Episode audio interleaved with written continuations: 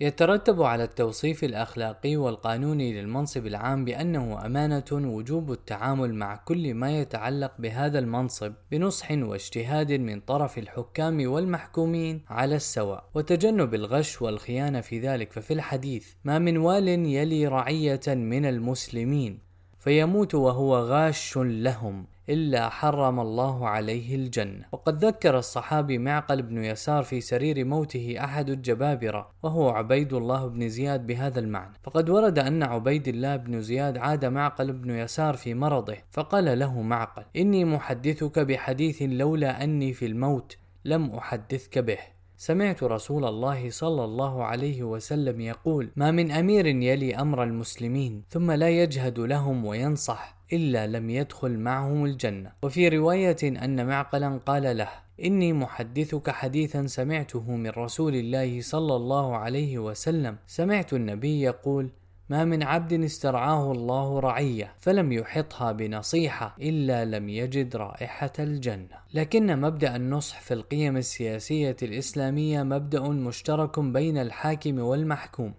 فكما يجب على الحاكم أن يبذل غاية جهده وأن ينصح لرعيته قولا وفعلا فيما استودعوه من أمانة. يجب على أفراد الرعية النصح لحاكمهم الشرعي قولا وفعلا فيما يسنده إلى كل منهم من جزئيات تلك الأمانة سواء كان منصبا دائما أو مهام ظرفية محدودة بحدود إنجازها. ففي الحديث عن تميم الداري عن النبي صلى الله عليه وسلم قال الدين النصيحة. قالها ثلاثة. قلنا لمن يا رسول الله؟ قال لله ولكتابه ولرسوله ولأئمة المسلمين وعامتهم. وكانت مناصحة الرعية لحكامها الشرعيين من الأمور التي حرص النبي صلى الله عليه وسلم على إبلاغها للناس حرصا خاصا. كما يدل عليه سياق الحديث الآتي. عن أنس بن مالك عن رسول الله صلى الله عليه وسلم قال نضر الله عبدا سمع مقالتي هذه فحملها فرب حامل الفقه فيه غير فقيه ورب حامل الفقه إلى من هو أفقه منه ثلاث لا يغل عليهن صدر مسلم. إخلاص العمل لله ومناصحة أولي الأمر ولزوم جماعة المسلمين فإن دعوتهم تحيط من وراءهم. ولتحقيق واجب النصح لأئمة المسلمين حذر النبي صلى الله عليه وسلم من تصديق الأمراء في كذبهم وإعانتهم على ظلمهم فقال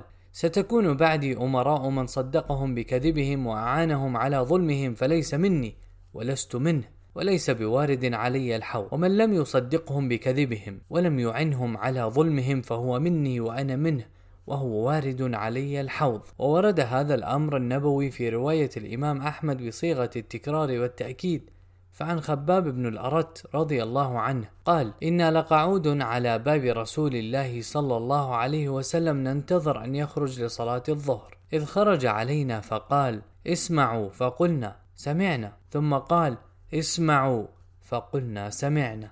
فقال إنه سيكون عليكم أمراء فلا تعينوهم على ظلمهم. ومن أهم مظاهر النصح للحكام الا يجاملهم الناس ولا يتملقوهم بمدح أو تصويب لأخطائهم وخطاياهم وتقصيرهم فيما اؤتمنوا عليه من أمانة. لذلك نبه النبي صلى الله عليه وسلم على أهمية البطانة الصالحة الدالة على الخير.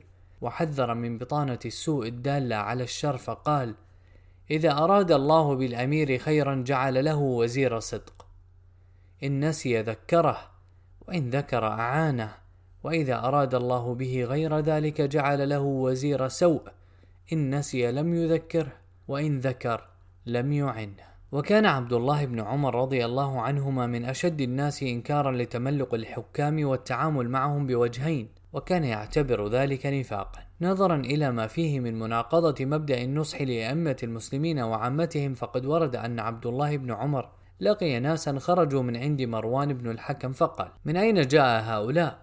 قالوا خرجنا من عند الأمير مروان. قال وكل حق رأيتموه تكلمتم به وأعنتم عليه وكل منكر رأيتموه أنكرتموه ورددتموه عليه. قالوا لا والله. بل يقول ما ينكر فنقول قد أصبت أصلحك الله فإذا خرجنا من عنده قلنا قاتله الله ما أظلمه وأفجره. قال عبد الله كنا بعهد رسول الله صلى الله عليه وسلم نعد هذا نفاقا لمن كان هكذا.